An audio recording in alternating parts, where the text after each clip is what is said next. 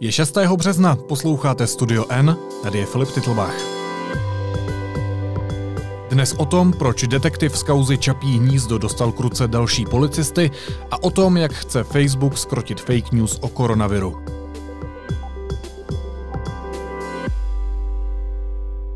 Dozorující státní zástupce Jaroslav Šaroch a policista Pavel Nevtípil chystají nové výslechy v kauze Čapí hnízdo. Detektiv Nevtípil navíc dostal od svých nadřízených kruce další policisty, kteří mu mají ulehčit práci. I tak se ale zřejmě vyšetřování nejsledovanějšího českého případu současnosti protáhne až do léta příštího roku.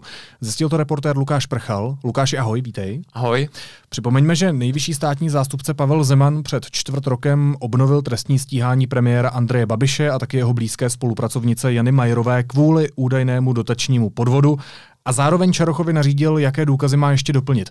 Jak se zatím státní zástupce Šaroch s detektivem Nevtípelem s těmi připomínkami vypořádávají? Tak v současné době oni si vzali si ten dokument, to usnesení nejvyššího státního zástupce uh, a rozhodili si práci, řekli si, co, co musí tedy na základě toho uh, rozhodnutí Pavla Zemana udělat a tak postupují systematicky podle těch bodů, které jim Pavel Zeman nastínil. A co musí udělat? Připravují nové výslechy, eh, do toho hledají i 10 let, i více jak 10 let staré dokumenty, eh, které musí doplnit a žádají o vyjádření Evropské instituce. ta mezinárodní pomoc těch evropských institucí je důvod, kvůli kterému se vlastně to vyšetřování může protáhnout, protože ta mezinárodní pomoc neznamená, že bude vyřešena do několika týdnů, většinou je to v řádu měsíců. Ty jsi říkal, že budou muset být vyslechnuti další svědci. Týká se to i Andreje Babiše a Jany Majerové? Budou muset být i oni dva znovu vyslechnuti? Co já vím, tak uh, výslechy lidí, kteří už byli vyslechnuti, tedy právě pan premiér nebo paní Majerová, ti už vyslýcháni znovu nebudou. Vyslýchat se budou noví lidé a hlavně kvůli tomu, aby vysvětlovali, jaký byl lidé, kteří budou vysvětlovat vztah mezi uh, holdingem Agrofert a farmou Čapí hnízdo, která v té době měla být údajně nezávislým malým podnikem. Já tě nechci přinutit ke spekulacím, ale víme zhruba, kteří lidé by to mohli být, z jaké oblasti? Tak uh, rozhodně to budou pravděpodobně lidé, kteří mají nebo měli uh, co dočinění právě s Agrofertem. A je to prasárna a svinstvo. Celý případ Čapího hnízda. Mafie, která rozkrada miliardy, nechce zlikvidovat. A to je všechno. Ředitel pražské policie, a říkal jsem to v úvodu, se rozhodl přidělit eh, detektivovi další posily. Proč potřebuje další policisty? Tak eh, vedení pražské policie se rozhodlo, že nechce detektiva Nevtípila zahltit papírováním. Nechce ho zahltit papírováním a tak vlastně mu bylo přiděleno několik policistů, kteří mu budou pomáhat. Uh, nicméně opakovaně by bylo zdůrazněno, že nejde o tým vyšetřovatelů, že mu nebyli dáni lidé, aby mu pomáhali s vyšetřováním a s analyzováním důkazů a tak dále. To je stále na něm vyšetřování, bude stále na panu Nevtípilovi. Nicméně dostal lidi, aby nebyl zahlcen byrokracií a uh, dostal lidi kvůli tomu, aby mu pomáhali s papírováním a vyřizováním uh, všeho potřebného.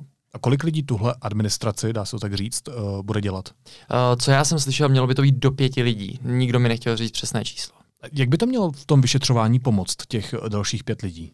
Tak uh, já si myslím, že ta pomoc je docela tahle ta pomoc jako je, je pro něj docela zásadní právě kvůli té rychlosti, protože ti lidé můžou zpracovávat všechny ty dokumenty, žádosti o výslechy, žádosti o ty mezinárodní pomoci uh, ze zahraničí, z těch institucí, o kterých jsme mluvili a tak dále. To může samozřejmě urychlit to, uh, to došetření celého případu. Uh, Nicméně, jak už jsem říkal, podle našich informací se to vyšetřování stejně protáhne až zhruba do léta příštího roku. Tak, abych v rychlosti ten případ ještě popsal, tak premiér Andrej Babiš je už tři roky obviněn z toho, eh, že se dopustil dotačního podvodu, když farmu Čapí hnízdo účelově vyvedl ze svého holdingu Agrofert. Díky tomu mohla farma získat evropskou dotaci 50 milionů korun pro malé a střední podniky a po uplynutí dotačních podmínek se firma zase vrátila do holdingu. Farmu Čapí hnízdo vlastnili v rozhodné době mé dvě dospělé děti a bratr mojí partnerky, který držel podíl odpovídající podílu mých dvou nezletilých dětí a mé partnerky. Proč jsem nechtěl říci jména akcionářů? No protože jsem nechtěl ohrozit moje děti. Svoji rodinu, to je to nejcennější, co mám. Nemohl jsem říct pravdu. Toto přece musí každý rodič pochopit. Co všechno musí Nevtípil se Šarochem znovu posoudit a proč? Tak eh, v zásadě eh, jednu z nejdůležitějších věcí, kterou musí posoudit, je, jak moc o celém tom případu eh, o celém té žádosti věděl premiér Andrej Babiš mm-hmm. a jak moc vlastně využíval, zda k tomu využíval své podřízené k, té 50, k získání té 50 milionové dotace. To je jedna z těch, jeden z těch bodů, které vlastně nařídil došetřit nejvyšší státní zástupce Pavel Zeman. Dokážeš typnout, jak dlouho to vyšetřování ještě může trvat?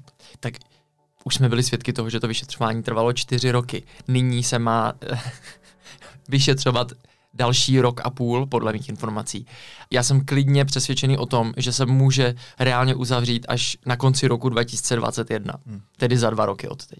Ještě poslední věc. Pan Šaroch a pan Nevtípil budou muset posuzovat informace, a ty už si to říkal, i z víc než 10 let starých dokumentů. Pokud je získají. Pokud je získají. A to je moje otázka. Není možné, že některé z těch dokumentů prostě už neexistují, že byly skartovány, ano, že je, to, je někdo postrácel a tak je dále. To rozhodně, je to rozhodně možné. Já uh, myslím si, že podle zákona se musí archivovat uh, dokumenty jenom snad nějakých 10 let, což přesně je to ta hranice. Jako ty dokumenty můžou být tuhle tu dobu dávno skartované a nemusí existovat. Nebo samozřejmě, pokud půjde o dokumenty Agrofertu, tak tam se mohly už dávno ztratit, pokud tedy vůbec existovaly. Podrobnosti ke kauze Čapí hnízdo přinesl reportér Lukáš Prchal. Lukáši, díky moc. Nemáš záč, díky.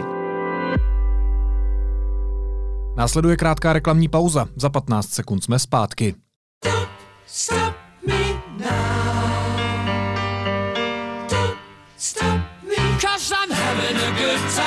datově neomezenými tarify vás už nic nezastaví. T-Mobile.cz lomeno neomezeně. Teď jsou na řadě zprávy, které by vás dneska neměly minout. Povinná maturita z matematiky bude buď odložena do roku 2023, anebo zrušena, jak to chce ministr Plaga. Sněmovna o tom rozhodne před koncem března. Policie požádala sněmovnu o vydání poslankyně SPD Karly Maříkové ke stíhání kvůli výrokům o migrantech. Maříková je přirovnala k invazivním druhům rostlin a zvířat, jimž by měl být zakázán vstup do Evropské unie. V úterý se kvůli tomu sejde imunitní výbor. Turecko a Rusko se dohodly na klidu zbraní v Sýrii. Má trvat do páteční půlnoci. Elizabeth Warren odstupuje z kandidatury na post prezidentky Spojených států. Neuspěla v super úterý a v předchozích primárkách se pohybovala mezi třetím a pátým místem. A čínská komunikační služba WeChat cenzurovala snímky o epidemii koronaviru, tvrdí kanadská organizace Citizen Lab.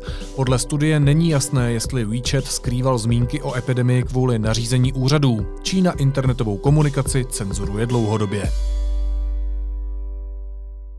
Nejrozšířenější sociální síť Facebook ohlásila nové kroky proti šíření dezinformací o koronaviru. O původu nemoci nebo boji proti ní se už objevila řada takzvaně zaručených zpráv. Česká dezinformační scéna se sice nákaze také věnuje, ale v posledních dnech řeší spíš migraci. Dezinfoscénu u nás mapuje analytik Honza Tvrdoň. Honzo, ahoj, vítej. Dobrý den.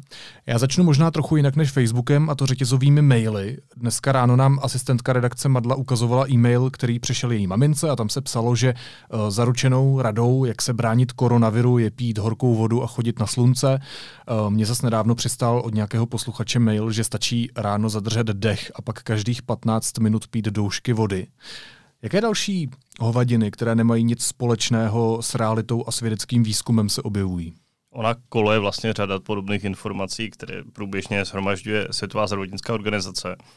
A tady je vlastně zajímavý, že ty, ty zmínil to pití horké vody, tak na, naopak eh, je další zaručená zpráva, že proti koronaviru pomáhá vlastně studené počasí. Jo. Tak asi kdybychom běhali po horách, kde je zima, tak asi, asi jsme v pohodě. Další věc má být prevence, že si po těle člověk e, rozstřikuje chlor nebo alkohol, anebo jí hodně česneku, což jsou teda zprávy, které podle Světové zdravotnické organizace jsou řekněme, nesmyslná. Mm-hmm. Nakolik je pravděpodobné, že takovým zprávám někdo uvěří? Protože já, když jsem se koukal na ty dezinformační maily, na ty řetězové maily, tak třeba 90-80% z toho textu vlastně bylo pravdivých. Jo, že se tam objevovaly věci, které jsou reální, které jsou podložené uh, vědeckými poznatky, ale pak tam byly třeba dva odstavce, které právě říkali tyhle zaručené rady. Já moc nechci být kousavý, ale kolik lidí věří horoskopům, že jo? Hmm. Jaký jsi znamení? Jsem rák. Uh, to je jasný. Jasně, no, já takový, spochybnil jsem to. No ale každopádně, a můžeme se podívat na jakýkoliv libovolný případ, část společnosti prostě těmhle věcem věří, kolik, kolik lidí v různých facebookových skupinách, a psali jsme o tom i my, jako vyzývalo, že a proti různým nemocím pomáhá pití nějakých, nějakého bělidla nebo nějakých čistících prostředků. Takové, takový lidé prostě jsou a myslím, že a právě ta, řekněme, panika a jistá nervozita, která právě je tady přinášena, často si nebudeme nalhávat i námi jako, jako médii v téhle věci ohledně nového nemocní, tak může na některé lidi působit takže hmm. budou se snažit zkoušet nebo čerpat informace o poněkud netradičních metodách. Tak tady je možná potřeba udělat tu veřejnou službu a říct na pravou míru, jak riziko nakažení koronavirem snížit, a to je především vyhýbat se těm, kteří jsou zjevně nemocní, nejezdit do těch rizikových oblastí, pořádně si mít ruce, můžeme používat i dezinfekci, jíst ovoce a třeba se i projít na procházku do lesa uh, a věnovat se svému duševnímu zdraví, protože stres oslabuje organismus a že není nutné panikařit. Jak bude proti té panice a fake news bojovat samotný Facebook? Uh, vlastně několika způsoby. On jednak uh, vlastně chce nabídnout uh, své řekněme, svůj, svůj prostor organizacím, jako je právě Světová zdravotnická organizace UNICEF nebo Americké středisko pro kontrolu a prevenci nemocí a chce jim nabídnout vlastně neomezený reklamní prostor, aby se hmm. právě ta jejich sdělení dostávala k co největší, aby měla co největší zásah. Uh, já, co jsem se naposledy díval, tak ty reklamy ještě nevyužívali, ale asi je to otázka času. Další věcí je, že chtějí snižovat právě dosah uh, zpráv a účtů, které šíří uh, informace o, řekněme, léčivech proti koronaviru, které ale nejsou pravdivé, protože, jak víme, tak uh, lék na tuhle nemoc ještě stále není, nebo nějaká vakcína. A jako další věc, když člověk vyhledává na Facebooku a dá nahoru do vyhledávání to takové to políčko s tou lupou, a když tam napíše koronavirus, tak mm. první věc, která na vás vypadne, je právě odkaz na Světovou zdravotnickou organizaci na rozcestní, kde je řada informací právě, která, které vyvrací tady tyhle mýty. Takže to je asi nějaký základní balík informací ne, nebo nástrojů, který právě Facebook chce teďka využívat. Ještě mě napadá, proč nejde i tou druhou cestou, to znamená mazat zprávy, které jsou dezinformační, které jsou nepravdivé. On to vlastně částečně dělá. On spolupracuje s různými faktčekovými projekty, které vlastně ověřují vlastně informace, které lidi často nahlásí, že jim přijdou pochybné a Facebook pak jako označuje tady tuhle zprávu nějak ve smyslu, tahle zpráva byla označena nebo vyvrácena, je to, je to pitomost, podívejte se spíš na tady tyhle informace. Hmm a to, to dělá taky. Samozřejmě je problém, že ten zásah uh, vlastně obrovský těch účtů jsou uh, vlastně nepočítaně, že jo. A to máme furt jenom jako jednu sociální síť, pak jsou vlastně další kanály a to bychom se vraceli k těm řetězovým mailům, které nejsou regulovány nijak. Když ale zůstaneme u té nejrozšířenější sociální sítě u Facebooku, tak když se prošel ty různé facebookové skupiny, co se na té české dezinformační scéně děje v tomhle tématu? Vlastně upřímně řečeno, ne až tolik, kolik bych jako upřímně čekal. Jo. A já když jsem procházel ty jednotlivé servery, které vlastně jsou postaveny na tom, že šíří, řekněme, alternativní informace, a buďme, buďme vstřícní takhle po obědě, kdy natáčíme, tak, tak jsou to zpravidla věci, které řeší jako původ toho viru. Jo. A to jsou takové a dneska už bych se to nebal nazvat takovým, takovými evergreeny dezinformací ohledně koronaviru, že vlastně to má být zbraň, kterou vynalezli američané a vypustili mezi Číňany, anebo je to zbraň, kterou vytvořili Číňané samotně a vypustili to mezi své lidi. A, jako biologická zbraň. Jako biologická zbraň, přesně tak. No. A pak vlastně my jsme s kolegou Vědnicerem uh, vlastně rozbírali jedno video před časem, které na, na YouTube uh, nahrál astrolog pan Baudiš, který vlastně tvrdilo něco podobného, že ten vir jako už dávno vznikl a vakcínu proti tomu si nechali patentovat vlastně nějací Britové. A on je to nesmysl, on to potom pan Baudiš jako to video stáhl, protože uznal, že hmm. další informace prokázaly, že to není úplně tak, jak tvrdil, ale vě- většinou jsou to vlastně zprávy, které se zabývají tím původem a potom samozřejmě jsou tam ty věci, o kterých jsme se bavili, no, ty zaručené zprávy, jak proti tomu bojovat. Pořád, jak jsem pochopil, tak se asi víc řeší uprchlíci, zvlášť v dnešní době, kdy je napjatá situace na řecko-tureckých hranicích a my jsme o tom v podcastu mluvili třeba s Petrou Procházkovou, která na těch hranicích tu situaci sleduje s Gabrielem Kuchtou, naším fotoreportérem. Takže tohle jsou asi spíš zprávy, které se tam pořád objevují. Přesně tak, je to takový ten tra- tradiční dezinformační mix, no. Hmm. Uh, což je migrace, je to islám, je to částečně česká televize, teď tam byla malá vanka slovenských voleb, ale jsou, je to tady ten tradiční koktejl. No. Jak dlouho ještě migranti budou fungovat? No, to je dobrá otázka. Tak já si myslím, že ono to pochopitelně jako teďka aktuálně souvisí s tou napjatou situací, která jako objektivně na, na, na těch hranicích je. A je to téma, který se věnují nejenom dezinformátoři, kterému se věnuje vlastně politická reprezentace, jak česká, tak jako evropská. Teď natáčíme před chvílí, tweetoval pan vicepremiér Hamáček, že posíláme do Řecka 8, 8 policistů, aby podpořili Frontex. Tak je to prostě téma, které je v běhu, které žije a asi prostě bude souviset, dokud tady nějaké migrační tlaky budou. Říká analytik Honza Tvrdoň. Honzo, díky moc. Já děkuji, nasledanou.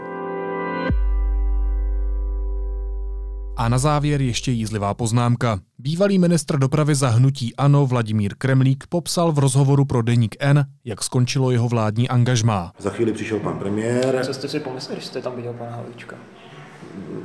Já jsem profesionál, jsem si nemyslel nic. Hmm. A pak tady máme poslance Evropského parlamentu Ondřeje Knotka z Hnutí Ano, který v české televizi reagoval na výroky Andreje Babiše. A, počkejte, počkejte. Já se ptám na váš názor na to, co si myslíte o tom, že premiér členské země Evropské unie mluví o europoslankyni jako o pomatené ženě a o dvou europoslancích z jeho země jako o udavačích. Je to v pořádku podle vás? A já vám říkám, že si na to v tuto chvíli nemyslím nic. Vy si o tom nemyslíte nic? Ne. Taky si o tom nemyslím nic. Snad jen, že profesionalita se v hnutí ANO šíří rychleji než koronavirus. Naslyšenou v pondělí.